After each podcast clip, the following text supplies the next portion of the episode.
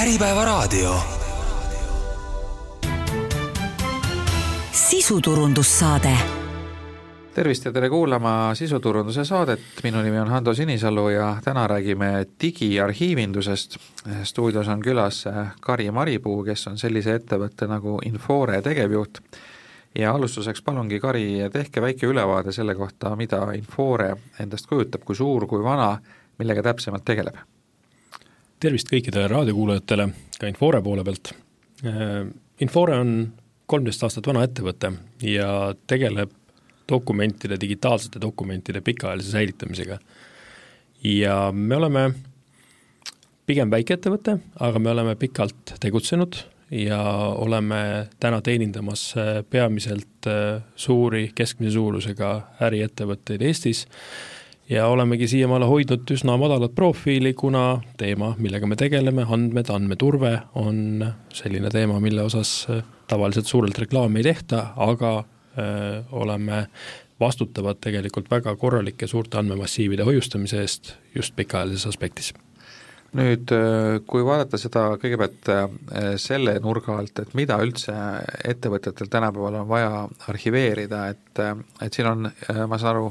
kaks poolt, et üks on seadusega ette nähtud kohustus teatud näiteks raamatupidamisdokumente, lepinguid arhiveerida ja siis on eh, igasugune ettevõtte endaga seotud eh, tegevus, olgu siis siis eh, mingi kirjavahetuse arhiivid või, või, või ka fotod või mingid muud dokumendid, mida nagu otseselt seadus ei kohusta alles hoidma, aga mis tegelikult on ettevõtte vara. et, et rääkige sellest natuke lähemalt nüüd andmete hoiustamise poole pealt, nii nagu, nii nagu te mainisite, on siis teatud hulk dokumente, mis on peamiselt seotud raamatupidamisega, aga näiteks ka personalitöö korraldamisega, millel on olemas äh, riiklikult kehtestatud normid, kui kaua tuleb dokumente alles hoida. ja, ja see kindlasti on täna ütleme, kui me räägime sellistest lihtsamatest raamatupidamisdokumentidest, äh, ma ei tea, kuludokumendid näiteks kuni seitse aastat äh, või ütleme, mingid kassatšekid kuni üks aasta, et noh, need dokumendid tihtipeale leiavad oma äh, elutsükli jooksul oma hoiustamise raamatupidamistarkvarades. aga nüüd raamatupidamise muud alusdokumendid, nagu näiteks lepingud, mille alusel üldse sõlmitakse või väljastatakse arveid või või aktid näiteks, üleandmise aktid, mis reguleerivad siis ettevõtete vahelist toodete-teenuste üleandmist, nende jaoks võib säilitustähtaeg tihtipeale olla kümme, kakskümmend aastat, sõltuvalt sellest, kui palju ettevõtete vahel siis koostöö toimib. ja, ja selle aja jooksul on vaja tagada, et see dokument, mis seda koostööd reguleerib, oleks alles ja oleks hoiustatud nüüd on äh, siin kaks poolt, et üks on see, et ta oleks nii-öelda kindlas kohas, teine asi on see, et tihti on vaja äh, neid leida, saada ülevaadet, otsida, et noh, me äh, ütleme, tavakasutajana oleme harjunud ju sellega, et, et Google, nii-öelda Google annab standardi ette, et ma sisestan mõned märksõnad ja, ja juba selle alusel on võimalik nagu enam-vähem kõik üles leida. et kuidas nende arhiivi otsingutega lugu on, et kas need on sama mugavad ja lihtsad nagu näiteks Google'i otsing või on seal mingid eripärad? Me üritame alati dokumente arhiivi paigutades mm, standardiseerida, ehk siis me võtame selle originaaldokumendi, Äh, me indekseerime ära selle sisu, ehk muudame ta nii-öelda otsitavaks, ükskõik, kas ta on siis PDF või, või siis mingi Wordi dokument või, või mingis muus formaadis, kui ta vähegi on teksti loetav, siis me teeme sellest indeksi, ehk ta muutub selliselt vaba teksti otsitavaks. aga lisaks sellele me paigutame sellele dokumendile peale ka nii-öelda metaandmete kihi või siis võiks lihtsamalt öeldes sellised tunnused, mille alusel on võimalik seda lepingut äh, või muud dokumenti filtreerida, kategoriseerida ja see aitab meil tegelikult nii-öelda eelselekteerida, mis dokumente me tegelikult otsime, mis dokumente me leiame ja sealt hulgast omakorda veel kitsamaks otsingut viia, mis lõpuks viib ettevõtja, selle kasutaja selle õige dokumendini, mida ta tegelikult otsimas on no arhiivi puhul on, on oluline ka see, et need dokumendid oleks äh, autentsed või muutumatud, et äh, juhtuks seda, et äh, keegi võib muuta seda dokumenti või ära kustutada või asendada, et kuidas seda on võimalik tagada, et need dokumendid oleks ikkagi originaalid ja neid ei oleks võimalik hiljem tagantjärgi muuta? Sellises digitaalarhiivis või dokumendihalduse maailmas on dokumendi elutsükkel äh, koosneb mitmest etapist ja, ja tihtipeale esimene etapp on selline dokumendi koostamise etapp, kus kohas ta ongi vaba ja avatud, kus tema, teda saab redigeerida, töödelda, aga mingil hetkel saab see dokument oma sellise küpsusastme, kus kohas dokument viibib reeglina kõige pikema äh, perioodi, mis on näiteks leping saab valmis, allkirjastatakse, siis ta kehtib kümme, kakskümmend aastat. nüüd sellel perioodil, kus kohas ta saab valmis, ta saab kahe osapoole või kolme osapoole või kümne osapoole allkirja, jääb ta arhiivi ajatempliga varustatuna, äh, turvatuna meie juures hoiule me alati ütleme oma klientidele, et me oleme nagu notarid, kes mõnes mõttes kinnitavad kahe osapoole vahel äh, tehingu toimumise ja tagame seda, et see leping on siis äh, kokkulepitud perioodi vältel alles ja olemas, kus teda saab alati kätte. nii et äh, ajatempel on see, mis tagab, et dokument nii-öelda lukustub, teda ei saa kumbki osapool ilma logidest märkamata muuta, redigeerida, nii et originaaldokument säilub ja on alles kui palju tänapäeval veel paberil hoitakse dokumente, et, et kas, kas on vajadus ka mingeid asju väljatrükki või nii-öelda sellisel äh, hard copy kujul hoida või, või seda enam üldse pole? ma ütleks, et meie jaoks siiski üllatavalt palju on veel endiselt paberdokumenti ja meie juurde jõuavad paljud kliendid, kes ütlevad, et nad tahaksid sellest paberist nüüd lõplikult lahti saada. ja kindlasti on üks põhjus, miks nad on paberil, on nendes ettevõtetes, kus kohas tegeletakse palju väliskaubandusega või, või mingisugust välissuhtlusega. sellepärast, et äh, sellised digiallkirjastamise metoodikad, mis Eestis on kasutusel, äh, me oleme ikkagi mõnes mõttes nagu mäekõrguselt üle paljudest teistest riikidest ja see, mis meie jaoks on tavapäraseks saanud, et me mobiilis allkirjastame oma lepinguid, paneme kuskile üles, jagame omavahel, see on ikkagi paljude teiste riikide jaoks suhteliselt uus asi, mis tähendab seda, et meie jaoks on sellistes töövoogudes tihti ka sellist protsessi, kus saab alguse paberallkirjaga, siis see digiteeritakse, see omakorda digiallkirjastatakse, et kas ta nüüd on nagu alati õiguspädev, eh, see on juristil otsustada, aga meie anname omalt poolt siis tehnoloogiliselt parima, et saab ka selliseid hübriidlahendusi luua, aga jah, me väga palju täna tegeleme sellega, et me viime analoogprotsesse ehk paberi peal olevaid protsesse digitaalseks ja lõpuks likvideerime järjest seda paber, paberainest see õiguspädevuse küsimus on päris huvitav, et kui mul on näiteks äh, välispartneriga sõlmitud nüüd leping, kus on siis pastakaga nii-öelda allkirjad peale kirjutatud ja templid all, mõnes, mõnes riigis ka nõutakse templit mm, -hmm. eks ole, Eestis õnneks see äh, jäi kusagile ajalukku, et nüüd, kui sellest le-, lepingust teha äh, digitaalne koopia, et, et mida peab seal arvestama, et see noh, oletame, et see paber siis, ma ei tea, kaob ära ja nüüd on vaja, ma ei tea, kohtus või mingis muus olukorras see leping ikkagi ette näidata ja meil on alles ainult siis see, see nii-öelda pilt sellest, siis see digitaalne koopia, et kuidas seda tagada, et see digitaalne koopia oleks juriidiliselt võrdne selle paberiga? No kõigepealt sõltub sellest, ma ei ole küll ise selles mõttes juriidika ekspert, aga nii palju, kui me selle valdkonnaga tegelenud oleme, teame, teame me seda, et sõltub palju, et millises õigusruumis see leping sõlmitud on, et kas ta on nüüd Eesti õigusruumis sõlmitud või selles välisriigi õigusruumis Äh, ehk siis kas meie digiallkirja aktsepteeritakse seal riigi seadusandluses ja kas meie riik aktsepteerib seda paberil digiteeritud allkirja, et et lepingute puhul on meil üldiselt öeldud niimoodi, et kui dokument on originaalis paberil allkirjastatud, siis peab ta säiluma vähemalt selle säilitustsükli jooksul, mis ei tähenda seda, et teda ei võiks digiteerida kasutusmugavuse mõttes, et seda alati leiate selles digiaineses ülesse, aga hea oleks siis luua mingi viide, et asub näiteks, ma ei tea, kaustas A, punane kaustik seal, seal riiulis on ju, või on kuskile antud arhiivi hoiule, paberarhiivi järgmine nagu tasand on see, et, et kui see mingil põhjusel kaduma läheb, siis on parem see, kui ta on digiteeritud, on ta siiski nii-öelda veel äh, väga suure tõenäosusega tõendatav, et jah, ta on kunagi originaaldokument olnud, millest on tehtud digitaalne koopia.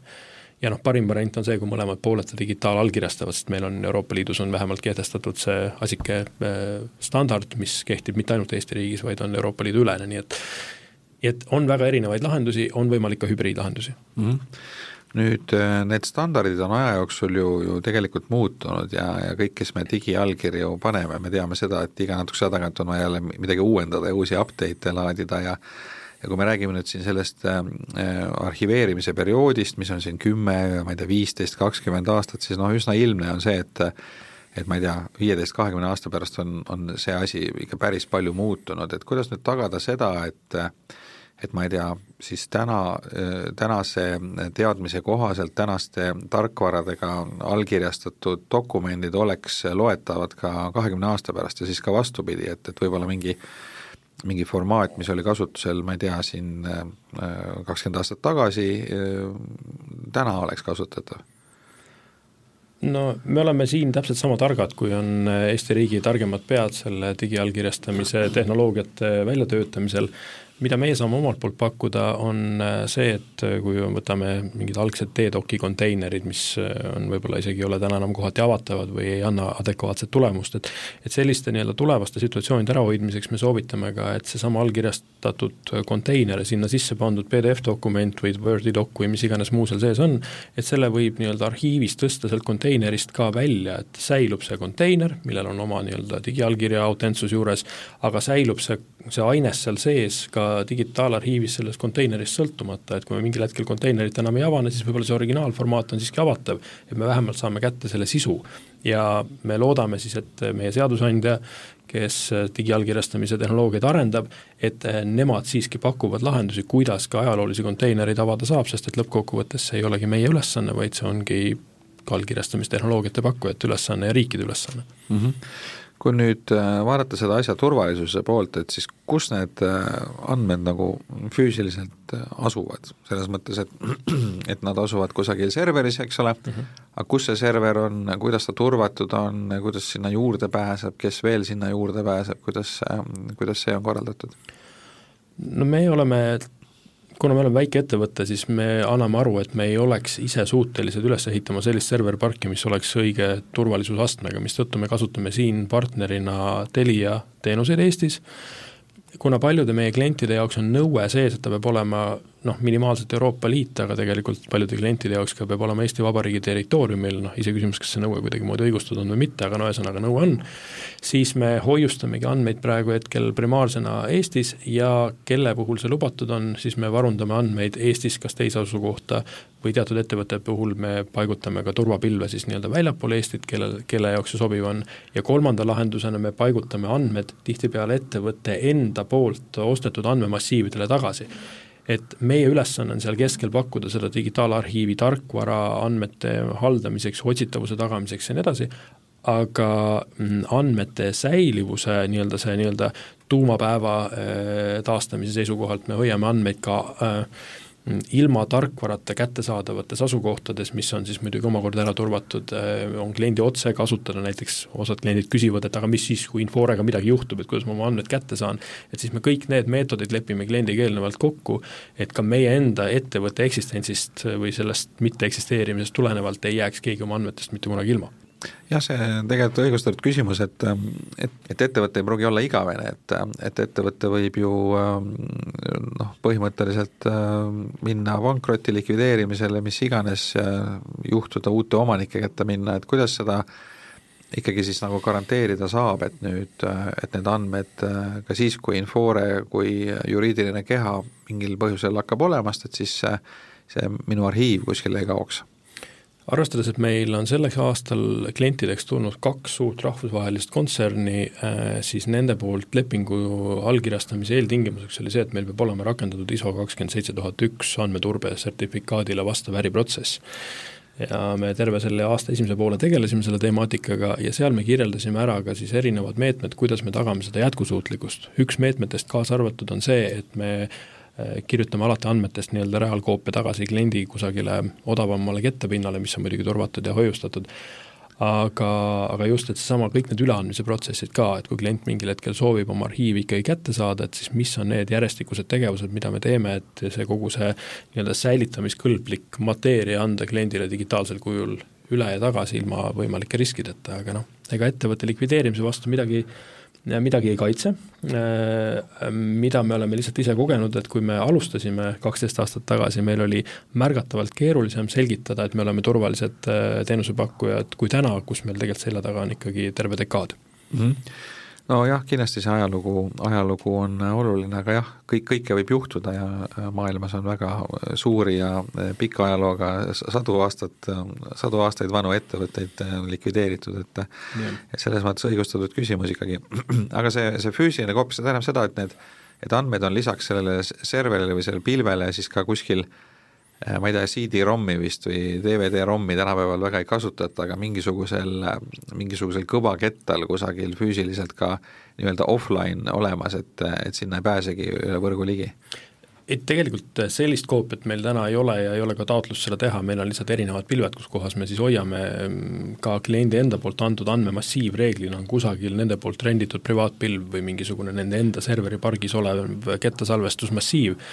et, et päris jah, niimoodi, et me võtame midagi füüsilisest masinast välja, ta päris reaal, kuskil seisab mingisuguses seifis, et, et sellist lahendust meile teadaolevalt ei ole. kas seda üldse oleks vaja, ma, ma kujutan ette, et see oleks nagu eriti turvaline, et see, ta ei olegi üldse võrgus, et mitte keegi kusagilt kaugelt ei saagi ligi, et see on kõva ketas, mis on kusagil äh, raudkapis ja omakorda veel pommivarjendis, et see nagu täiesti nagu kindel. meil on küll väga igasugust erinevat liiki dokumente meie arhiivis hoiustatud, aga vot mitte keegi klientidest ei ole meilt sellist asja veel nõudnud. või no. enam ei ole nõudnud, ütleme niimoodi et, äh, et pilv on ühesõnaga muutunud nii äh, levinuks ja turvaliseks, et äh, aga palju teil neid intsidente, küberrünnaku intsidente on, siis ma olen siin kuulnud, et, et peaaegu kõik Eesti ettevõtted on nendega hädas, et suured, väikesed siin päris, päris suured ettevõtted, alates Teliast ja Äripäev ise ka, ma ei tea, Tallinna Sadam näiteks, kõik kurdavad, et, et muudkui rünnatakse. No kui me vaatame meie avalikku veebi, siis äh, eks meie igapäevane statistika ütleb, et see saab äh, ikka omajagu neid, neid nii-öelda ründekatseid, aga noh, avalik veeb ei ole meil kuidagi oma teenuskeskusega seotud mis puudutab meie teenuskeskuse vastu ründeid, siis äh, Telia monitoorib seda, teavitavad meid sellest, kui on olemas mingisugune hüpoteetiline risk, et võib olla nii-öelda meie suunas üldse mingi rünnak toimunud, aga aga kuna me istume päris mitme tulemüüri taga seal, siis äh, me ei ole täna registreerinud intsidenti, mis oleks otseselt äh, meie klientide andmete pihta olnud suunatud või kus oleks tekkinud see oht, et aga noh, me ka vaatame, see on ka see põhjus, miks me täna me üsnagi esmakordselt räägime oma teenusest avalikult, et me üldiselt hoiame ennast äh, madalamat profiili ja jõuame oma klientideni pigem ikkagi nii-öelda suusõnalise soovituse kaudu mm. -hmm. see andmed nüüd, kelle omad, nad on ikkagi kliendi omad, eks ole, et see, see andmete omandiõigus ei muutu, et te olete lihtsalt nii-öelda nende, nende hoidjad siis me oleme voli, volitatud kasutajad, no isegi me ei ole tegelikult kasutajad, me ühelgi ajahetkel ei saa nende and-, noh jah, andmekaitseseaduse mõistes me oleme volitatud kasutajad, aga aga tegelikult me oleme lihtsalt tehnoloogia ja, ja lahenduse pakkujad klientidele, me pakume oma tarkvara, me anname nii-öelda kõik võtmed kliendile üle, äh, ja ühtlasi meil on olemas ka selline võimalus ja mudel, et klient saab lihtsalt meie tarkvara osta, enda keskkonnas üles panna ja siis me oleme tõesti ainult tehnoloogia pakkujad, me isegi ei puutu kokku andmetega aga nüüd äh, oletame selline olukord, et mul on sõlmitud mingi ülisalajane leping kellegiga, eks ole, ja siis äh, teie olete teenusepakkuja, hoiate, et kui, kuidas välistada nagu seda, et keegi töötaja, teie töötaja, kes seal tegeleb selle asjaga, ei saaks ligi sellele minu lepingu sisule, et ta ei saaks äh, seda lugeda? Meil on äh, olemas kõigepealt ära reguleeritud see, et meie arendus ja meie süsteemihaldus on erinevad kasutajad, nüüd süsteemihalduses toimuvate äh, võimalike nii-öelda päringute korral äh, on, oleme me, tagame selle turvalisuse läbi selle, et meil on kogu serverite logimine on viidud nii-öelda hoopis teise keskkonda, mis on ainult juhatuse liikmete tasandil kättesaadav. et me oleme lahutanud need erinevad andmete ligipääsu tasandid, pluss me oleme teinud väga selgelt jälgitavaks ja ajatembeldavaks selle, millised päringuid üldse süsteemis tehakse, ükskõik kas siis läbi kasutajaliidese või siis taustal läbi haldustoimingute, et meil on olemas see, see auditeerimisvõimalus ja vaadata, kes mida vaadanud on ja kui me näeme, et keegi on tõesti midagi vaadanud ja meil on see nii-öelda intsident, sisemine intsident, et siis meil on olemas ka nüüd ISO järgi protsess, kuidas me seda peame käsitlema ja, ja, ja mis siis kõik need sanktsioonid järgnevad mm. -hmm nüüd äh... ja lisaks ma lisan veel seda, et meil on olemas miljoni euro ulatuses vastutuskindlustus, et kui meie, meie suunas tekib mingisugune nõue, et on tekkimas mingi kahju, siis me suudame väga suure nõude korral, on meil ka olemas edasi vastutus, et, et et me ei ole kohe nii-öelda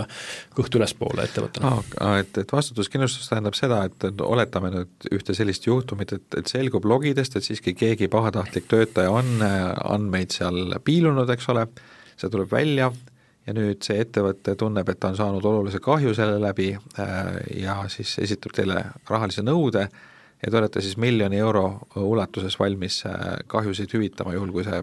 kohus nüüd välja selgitab, et see kahju tõesti sündis ja jah, see peab olema tõendatud kahju, et see ei saa olla see, et mulle tundub, et võib-olla, et vaid see peab ikkagi olema selge, et siit saadi see kahju ja selle kahjunõude ulatuses on meil siis olemas vastutuskindlustus, jah ja jõuame nüüd selle poole juurde, mis puudutab sellist äh, kasutajamugavust või kasutaja poolt, et, äh, et mängime sellise olukorra läbi, et äh, ma olen nüüd ettevõtja, kellel on siis kogunenud siin paberarhiivi ja nüüd viimasel ajal digi allkirjastatud dokumente ja, ja, ja muud sellist kraami. Ja nüüd ma sooviks seda hakata korrastama ja, ja seni olen hoidnud siin enda serveris või mingis oma äh, poolt ostetud pilves, aga, aga tahaks selle asja nüüd kuidagi korralikumalt ära teha, et tulen, võtan ühendust, istume siin laua taga, kuidas see kõik, see protsess alguse saab? ettevõtted, kes meie poole pöörduvad sooviga digitaliseerida oma äriprotsessi oma dokumendihaldust, tihtipeale tulevadki täpselt sarnase mõttega, et vaatame nüüd koos üle, millised on meie dokumendiliigid, kuidas me neid haldame täna ja milliselt nad võiksid olema hallatud tulevikus ja me, meie tavaline soovitus on see, et kui me räägime sellisest paberainesest, siis me, me ei kiirusta soovitama seda digiteerimise protsessi, et teeme nüüd nii-öelda, laseme kõik skännerist läbi ja teeme kõigist paberitest, teeme digikoopiad ja viskame paberid ära, et see ei pruugi olla alati parim variant, küll aga on hea variant äh, see, kui me saame kokku leppida, et näiteks ma ei tea, esimesest jaanuarist kaks tuhat kakskümmend neli me läheme nende, nende dokumendiliikidega edaspidi ainult digitaalseks. Ja siis äh, aja jooksul paberdokumendid otsast jäljest hävinevad, hävinevad, kuni jõuavad seitsme või kümne aasta pärast oma elutsükli lõpuni. aga miks te ei soovita neid arhiveerida, siis skaneerida sisse? kui need on sellised dokumendid, mida on võimalik peale skaneerimist välja visata, näiteks raamatupidamisdokumendide arved, saatelehed, äh, jah siis on mõistlik, on ju, me saame võib-olla suure hulga riiuleid saame tühjaks. aga kui me räägime nendest dokumentidest, mis on allkirjastatud paberi peal ja kus seadus ütleb, et nad peavad endiselt säilima, siis sellisel juhul võib-olla on mõttekas äh, tõsi skännida puhtalt leitavuse seisukohast, aga kahjuks me ei suuda saavutada seda olukorda, et me saame nad välja visata. Mm.. seetõttu võib-olla alati ei ole mõistlik, vaid me pigem teeme digiarhiivi, teeme sissekiirkande, et meil on olemas näiteks, ma ei tea, kolm aastat tagasi sõlmitud leping, mis on paberi peal allkirjastatud, mis asub selles kaustas kus kohas reaalselt nii-öelda skaneeritud dokumenti küljes ei ole, aga me vähemalt teame, kuskohast seda saab minna otsima, sest et me saame digiarhiivis ülevaate, et näiteks selle kliendiga on meil sõlmitud kaheksa dokumenti, neist kolm on äh, paberi peal ja viis on juba digitaalselt ja me saame ikkagi sellise üldstatistika või üldpildi, millised kokkulepped meil konkreetse kliendi või, või ettevõttega on aga kuidas see nüüd ähm, käib, et, te annate nõu, kuidas seda teha ja süstematiseerida, et, ähm, et, et ikkagi nüüd noh, saame kokkuleppele, et hakkame siis tegema seda, et kuidas see siis nagu edasi käib, et kas me saame mingisugused juhendid ähm,, ma ei tea, õpetuse, kuidas hakata neid kodeerima või, või neid äh, tag'e sinna külge panema või, või kuidas see täpsemalt välja näeb? No kliendid on meil enamasti alati arglikult arvestavad, et selle dokumendi haldussüsteemi ülesseadistamine on selline nädalate või kuude pikkune töö ja siis me alati šokeerime neid, kui me ütleme, et tegelikult saame kasutama hakata tunni või kahe tunni jooksul.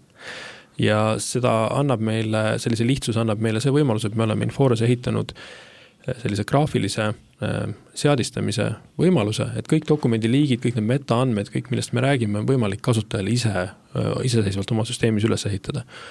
ehm, kliendid küsivad meie käest tavaliselt soovitusi, et mismoodi teised ettevõtted, kes on meie kliendid, on sarnaseid dokumendiliike, kui me räägime näiteks, ma ei tea, kliendilepingutest, ostulepingutest, personalidokumentidest, et kuidas ja millised metaandmed on mõistlik teha või mitte, siis me teeme tavaliselt sellise töötoa või, või kaks, kus me käime need dokumendiliigid läbi, arutame läbi, mis selle ettevõtte seisukohast oleks mõistlik, kuidas oleks mõistlik see dokhaldussüsteem üles ehitada või see digiarhiiv ja, ja näitame kätte esimese dokumendi liigi põhjal, kuidas klient seda ise teha saab ja üheksal juhul kümnest kliendid teevad juba järgmised dokumendiliigid ise. nüüd äh, see, see kasutajaliidese pool, et, äh, et noh, üks, üks variant on seda, seda teha niimoodi, et, et võttagi see mingisugune Wordi dokument ja, ja siis äh, teha ta PDF-iks ja siis digiallkirjad peale, aga seda kuidagi lihtsamini ka saab, et umbes juba kohe teie süsteemis äh, Äh, hakkan neid dokumente tegema, et ei oleks vaja nagu mitut, äh, mitut sellist vaheetappi üldse? me päris sellist äh, tekstidokumenti või redigeerimistööriista ei ole Inforesse loonud, meil on kaks äh, nägemust, üks nägemus on see, et, et sa ikkagi endiselt lood selle mm, tekstiredaktoriga, teed selle dokumendi valmis, paned PDF-i versiooni ja siis äh, allkirjastad selle Infores juba töövoo käigus. aga on teine variant, kui sul on standarddokumendiga tegemist, näiteks ma ei tea, puhkuseavaldus, kus kohas on sul kuus-seitse parameetrit, äh, mille põhjal me saame automaatselt genereerida õige malli peal PDF-i siis on võimalik teha selliselt, et Inforest lihtsalt täidetakse ära vastavad andmeväljad, vajutatakse nuppu genereeri PDF dokument ja sellisel juhul on küll täpselt see olukord, et meil ei ole vaja eraldi tekstiredaktorit kasutada, me saame kõik ära teha Infores no GDPR-iga seoses on üks selline huvitav nüanss veel, et näiteks kui kui ma mingi ürituse käigus oletame, et ma olen mingi spordiürituse sponsor näiteks ja tahan kõikide jooksust osalejate email'e saada ja siis pärast neile hakata uudiskirja saatma et nüüd GDPR-i järgi ma peaks selle nõusoleku küsima selle jaoks, eks ole, ja tihti või, võib olla see niimoodi, et see on nagu mingitel paberkupongidel või niimoodi, et kas kuidagi seda oleks võimalik niimoodi lihtsustada, et meil on näiteks mingisugune tahvelarvuti või mingi, mingi muu süsteem ja siis kõik inimesed, kes on nõus minu seda uudiskirja tulevikus saama, vajutavadki kuskile mingi linnukese ja, ja ongi korras ja siis omakorda mul on arhiveeritud andmed, et need inimesed on andnud nõusoleku minu käest postitusi saada no selle Linuxi tegemine ei oleks siin ilmselt väga suur raskus, küll aga on see, et me peaksime tagama, et, et kes oli see, kes selle Linuxi peale vajutas, ehk siis me peaksime kuidagi sinna protsessi siis integreerima sellise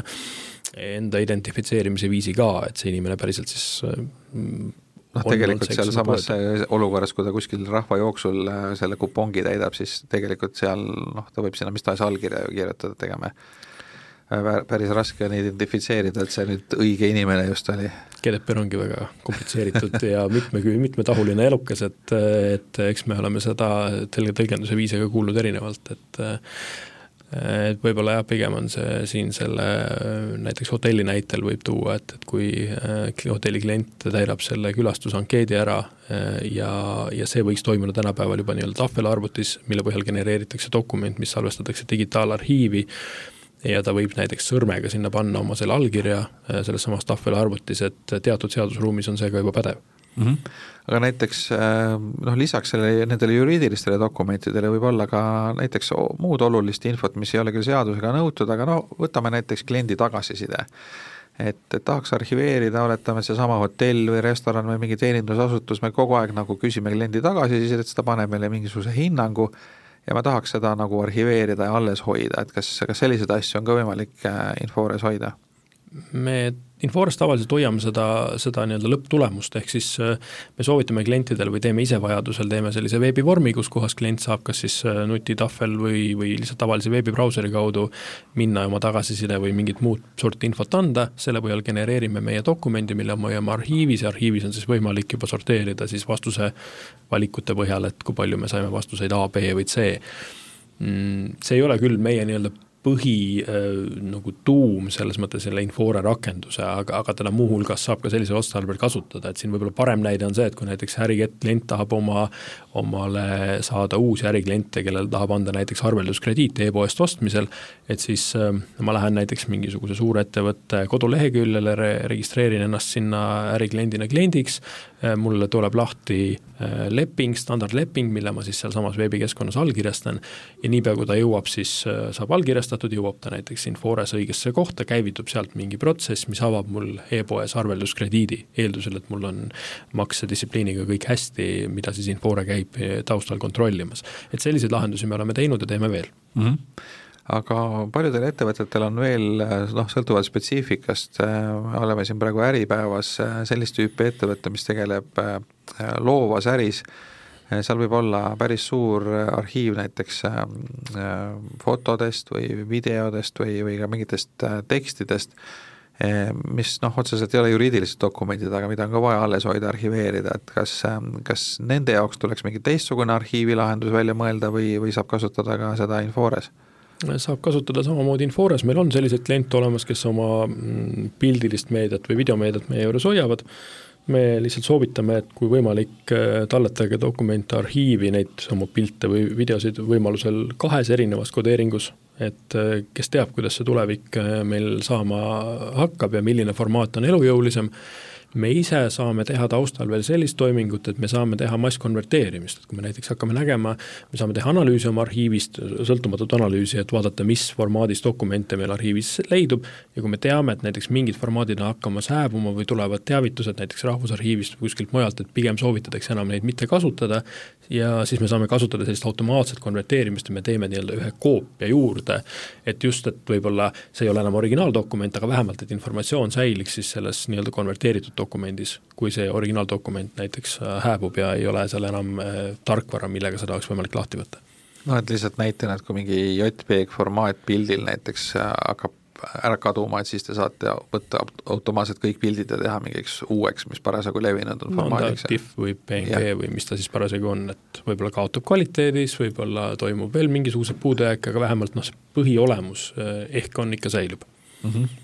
ja no eh, eriti audiomaailmas ma tean, on nende heliformaatidega see, see areng on päris kiire, et seal muutusi on üsna palju, et tundub, et need dok lõpulised ma ei tea, kaua Microsoft Word on äh, olnud, üle kolmekümne aasta vist juba. Et, et seal vist ei ole väga palju muutunud midagi, et need vanad Wordi failid on ikka jätkuvalt kättesaadavad või? tegelikult nii ja naa, et, et Microsoft küll jah, pakub oma nii-öelda backward compatibility't või taustal nii-öelda saadavust, aga aga kui me vaatame näiteks seda, et kui me hakkame Wordis salvestama dokumente, kui palju erinevas äh, struktuuris äh, salvestusformaate ta ise välja pakub, siis äh, ka Eesti Rahvusarhiiv on öelnud, et näiteks kui pikka aega peeti PDF dokumendi formaati pigem arhiivi püsivaks, siis täna tegelikult on isegi soovitus, et äh, Microsofti DocX ehk siis nii-öelda avatud dokumendi formaat võiks isegi lugeda teatud mõttes avatumaks või arhiivi püsivamaks formaadiks, nii et ikkagi juba väga lühikese aja jooksul tegelikult muutuvad põhimõtted ja, ja, ja muutuvad tehnoloogiad mm. -hmm. nüüd äh, kui tekib selline olukord, et, et ma tahaksin oma arhiivi kolida ära, näiteks mingil põhjusel äh, soovin mõne teise teenusepakkuja juures oma arhiivi hoida Äh, kuidasmoodi see käib, et äh, kuidas ma saan kindel olla, et see arhiiv siis äh, on sada protsenti üle viidud, et mingid, poleks kusagil alles mingisuguseid varukoopiaid või, või midagi sarnast? no meie anname dokumente üle mm, ikkagi kliendile endale, kui klient palub meilt teha integratsiooni mingi kolmanda partneriga, eks me räägime siis need tingimused läbi kui me oleme kliendile üle andnud ükskõik millisel viisil, siis meil käivitub äh, hävitamise protseduur, äh, mis kestab kolmkümmend päeva, kolmekümne päeva jooksul hävitav, hävivad nii-öelda ära äh, aines ka siis erinevates varukoopiates, et ja meie puhul see kustutamine ei ole mitte see, et me lihtsalt märgime andmebaasis, et on deleted, vaid ja tegelikult jääb kõik alles, vaid pigem siis ikkagi on tegemist juba täiesti ülekirjutamisega andmemassiivides, ehk siis nii-öelda ikkagi ligipääs nendele failidele kolmekümne päeva jooksul täies ulatuses siis kaob ära ja noh, see on meie enda huvides, et kui peaks olema kas või hetkekski kahtlus kusagil tekkima kellelgi, et äkki ikkagi Infores midagi säilis, siis see oleks meie jaoks nii suur mainekahju, et meil ei tasu see mitte mingil juhul ära. ja see puudutab siis ka seda, kui lihtsalt keegi soovib, äh, ma ei tea, ma ei kujuta hästi seda olukorda ette, et kui ettevõte nüüd tegutseb, noh, seadusega on ette nähtud dokumente alles hoida, et nagu lihtsalt asja eest teist taga midagi ära kustutada vist ei ole vaja või on mingeid olukordi, kus kus lihtsalt keegi ütleb, et kustutage mu lepingud ära? no andmete omanikuks on ettevõte ettevõte saab ise otsustada, millised käsklused ta meile annab ja meil ei ole õigus vastu seista, välja arvatud juhul, kui meie poole pöörduvad vastavad instantsid, kes võt-, on kellegi võtnud uurimise alla ja noh, siis meil on kohustus koostööd teha aga me võime täiesti vabalt pakkuda ka näiteks likvideeritavatele ettevõtetele dokumentide pikaajalise säilituse teenust, et enne seda, kui ettevõte kinni pannakse, kui seal veel mingit raha on, on võimalik, et makstakse pikaajaliselt ette näiteks kümneks aastaks ja hoiut-, hoitakse meie juures siis nii-öelda likvideerimisjärgseid dokumente aga see on jah muidu põnev teema, et kui nüüd äh, ettevõte on halva maksedistsipliiniga, ei maksa teile teie teenuse eest, et mis siis saab? Et, et oletame, et ettevõtte väärtuslikud andmed on teie juures, ta on juba teile, ma ei tea, aasta aega võlgu, et äh, kaua te kannatate sellist käitumist? no meil on ikkagi, meil ei ole ühtegi kogemust olnud, ju siis on just täpselt seesama, et ettevõtte andmed on ikka piisava suure väärtusega, et sa ei taha väga võlgu jääda, aga meil lepingus on kirjas, et kui ikkagi on saja kaheksakümne päevane viitaeg maksete puhul, siis meil on õigus dokumendid ka ära hävitada et meil tegelikult ei ole seda, seda kohustust üle poole aasta dokumente alles hoida, juhul kui teenusepak-, klient ei maksa meile teenuse eest raha. Aga seal võib olla vahel ka mingisuguseid noh, ütleme tavaolukorras ilmselt see ei, ei ole probleem, aga kui on tegemist mingisuguse ostu-müügi ülevõtmise aktsionäride vahelise tüliga, juhatuse liikmete vahelise tüliga, et siis võib olla lihtsalt niimoodi, et, et see tüli kestabki pool aastat või kauem ja selle käigus äh, nagu ikka, inimesed on äh, jäärapäised ja, ja ei maksa arvet ja ja siis ühel hetkel jõuab kätte see olukord, kus, äh, kus on tähtajad kõik üle ja, ja teil nagu võiks olla lepinguline õigus lepingu need või need arhiiv hävitada, et ma kujutan ette, et te ikkagi üritate nagu siis rääkida, et see ei ole nii, et mingi kalendris saab, see kuupäev kukub ja siis vajutate seda delete nuppu ja ongi läinud, et kuna meil ei ole ühtegi sellist nagu olukorda olnud, siis ma ei oska öelda, kuidas me, või tähendab, ma ei saa kirjeldada, kuidas me oleme käitunud, aga ma ise praegu hüpotiseerin lihtsalt seda, et eh, kui ikkagi on olukord, kus me arvame, et need andmed on midagi väärt, mis meie juures on, aga lihtsalt seal on tõesti selline olukorraga tegemist, kus eh, ei ole pooled kokkuleppele jõudnud, siis me saame lihtsalt talletada need kõik dokumendid, tänapäeval on mobiilsed andmekandjad ka hästi odavad, et me lihtsalt kirjutame nad mingi mälupulga peale, suure mälupulga peale ja anname ettevõtte ametlikule aadressile nad üle ja tegelikult on ettevõttel need andmed olemas, lihtsalt mitte meie digiarhiivis mm. -hmm et, et selles mõttes äh, nagu kõige fataalsemat stsenaariumi ei pruugi üldse, üldse rakenduda, aga kui me juba rahast rääkisime, et et nüüd see, need ettevõtted, kes siis ei jää teile võlgu, et, et neid, ma saan aru, on praegu sada protsenti, et siis äh, mis see teenus maksab või kuidas see arveldamine käib? meie teenuse hinnakiri on ka meie koduleheküljel infore.eu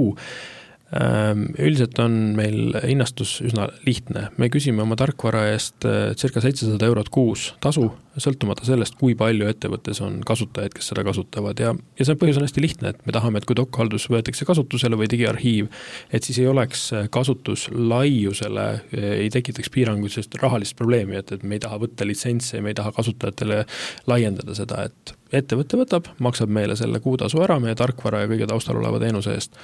ja ainuke komponent, mis siis muutub, on andmemahtude kasvust tulenev äh, siis nii-öelda lisatasu, et kui ettevõttel on ikkagi väga suur andmemaht, siis sinna lisandub äh, kolm eurot äh, ühe gigabaidi eest või siin erinevatel ettevõtetel on ka mahtudest tulenevalt erinevad hinnakokkulepped, kui ta ikkagi läheb terabaitidesse, siis ta ei ole kolm eurot gigabait, et et on selline nii-öelda muutosa veel juures. ja noh, siis on veel igasugused lisateenused nagu konsultatsioonid, et kas nad tahavad mingit erakorralist tuge saada näiteks, mis ületab tööpäeva ja nii edasi, aga põhimõtteliselt see tuumiktasu on seitsesada eurot kuus ma saan aru, et, et see ikkagi siis on mõeldud pigem suurematele ettevõtetele, et, et päris väikeettevõtetel ilmselt pole, pole vist arvestades nende siis eeldatavat käivet ja kasumit ei ole, ei ole mõistlik seda kasutada, et see on pigem ikka suuremate ettevõtete teenus? meil on pool sellest summast on lihtsalt puhtalt digiarhiivi teenus, et see seitsmesaja eurone teenusepakett sisaldab ka digitaalallkirjastamist, töövoogude haldust ja kogu seda dokumendihalduse funktsionaalsust, mis meie juures on. et kes puhtalt hoiab lihtsalt, äh, talletab ajalugu ja arhiivi ja käib sealt otsimas, siis on see umbes viiekümne protsendise soodushinnaga sellest äh, baaspaketist et see on nagu mingil määral selline ettevõtte töötaja siis nii-öelda arhivaari või, või, või siis mis iganes ametikoht see on, selle töötaja asendus siis, et, et, et teie tarkvara tegelikult võtab selle sellise nii-öelda arhiivitöötaja töö üle sekretärid tihtipeale, kes on selle asja, või raamatupidajad, kes on selle peakasutajad või keda, keda määratakse peakasutajaks, ütlevad, et ähm, Infore rakendamine on lihtsustanud äh, seda osa tööst, mis puudutab, et äh, organisatsioon helistab või saadab neile meili, et kuule, kus meil see dokument on. Et ta sisuliselt saab isegi, kui ta, kui ta sekkub sellesse protsessi, saab ta otse Inforest saata lingi, näed, siin see dokument on, vaata, või siis enamus organisatsioone, kes meie tarkvara kasutavad, ikkagi inimesed ise teavad, logivad Inforesse sisse, otsivad oma dokumendid üles ja see assistent või sekretär või ammugi raamatupidaja lihtsalt jääb paar ülesannet tegemata ja teeb mingisuguseid teisi asju selle asemel. Nüüd, äh, kui nüüd töötad eri, eri kohtades, et noh, tänapäeval on äh, inimesed töötavad teistest riikidest, kodukontoritest, äh, kasutavad erinevaid seadmeid, mobiile, et kuidas see piiratud on, et kas kui ma olen, ma ei tea, Taimaal äh, töötan terve talve, kasutan äh, mobiili ja olen seal mingi kohviku wifi võrgus ja tahan nüüd äh, Inforesse sisse pääseda, et mingit dokumenti vaadata, et kuidas see pool, see, see turvalisuse pool lahendatud on? Infore serverrakendusest on võimalik määrata, milliseid dokumendiliike on mobiilsesse seadmesse võimalik peegeldada ehk siis ähm, kõige kriitilisemaid dokumente me tihtipeale klientidele ei soovita lubada nutirakendusse näitamiseks, noh mis puudutab, ütleme, personalidokumente või isik, kriitilisi isikuandmeid sisaldavaid dokumente, aga aga jah, see kõik on klientide otsustada, mida näidatakse, kuidas näidatakse, milliseid reegleid siis kehtestatakse, aga aga nutirakendus meil on olemas mõlemale suurele platvormile, nii iOS-ile kui Androidile ja, ja sinna on nüüd lähima aasta jooksul tulemas tegelikult terve hulk põnevaid äh, täiendusi, muudatusi, et äh, et selline mobile first põhimõte jõuab väga selgelt ka Inforesse hakkab jõudma, et tegelikult aga, me just oma kõik oma seadmetes. Aga kui, kui suured riskid need avalikud wifi võrgud on teie süsteemi puhul, et ma tean, et paljud ettevõtted ei, ei lubagi inimestel kasutada neid, et no ta on loomulikult risk, selles mõttes, et kui see seade on kaitsmata ja sa oled avalikus wifi võrgus ja seal on olemas keegi, kes sind kuulab, vaatab ja oskab sind rünnata, siis see on ju parim viis võtta üle su arvuti, näha, mis su ekraanil on või lausa nii-öelda omada kontrolli selle üle, nii et et see kindlasti on risk, millega tuleb tegeleda ja meil enda ettevõttes on ka selgelt äh, poliitika, et kui me läheme kusagile, me ei tohi logida ka korporatiivvõrku, mitte ainult me ei räägi nii-öelda avalikust võrgust, vaid meil peab olema alati turvatud omaenda seade, alati VPN võrgud üles tõmmatud selleks, et oleks turvalisus tagatud. nii, saime vist enam-vähem kõik äh, teemad äh, kaetud praegu, et ma saan aru, et kes nüüd tunneb huvi asja vastu, siis alustuseks tasuks kokku saada, küsida nõu ja siis te seletate ära, kuidas see käib ja ja mulle jäi meelde sellest jutust, et et äh, selleks, et Infore arhiivi teenust kasutama hakata, et see on iseenesest mõne tunni teema, et see käib kähku, et see ei, ei vaja mingit väga suurt äh, ja keerulist juurutamist. Nii on, Infore loomise mõte oli, oli suuresti ka see, et äh, ettevõt-, nagu siiamaale dokumendihaldussüsteemid on suuresti avalikule sektorile orienteeritud ja lähtuvad seal väga paljudest spetsnõuetest, mis muudab selle dokumendihalduse sageli ettevõtte jaoks liiga keeruliseks, et siis Infore eesmärk on pakkuda äh, võrdlemisi lihtne, aga siiski kõikehõlmav äh, funktsionaalsus, et äh, lõpuks saaksid need dokumendid sealt äh, tegevjuhi kaustadest või, või Google Drive idest, saaksid vähegi organiseeritumale kujule, kus nad oleksid paremini kaitstud, aga samas mitte ülereguleeritud, nii et et kõik need kliendid, kes täna meie dokhalduse on kasutusele võtnud või meie digitaalarhiivis asju hoiavad, nad tegelikult on, on pikaajalised kliendid ja on, tunnevad, et nende äriprotsessid on selle võrra läinud lihtsamaks nii, suur tänu, meiega vestles äh, Kari Maripuu, kes on Infore tegevjuht ja mina olen saatejuht Ando Sinisalu, aitäh kõigile kuulajatele! aitäh!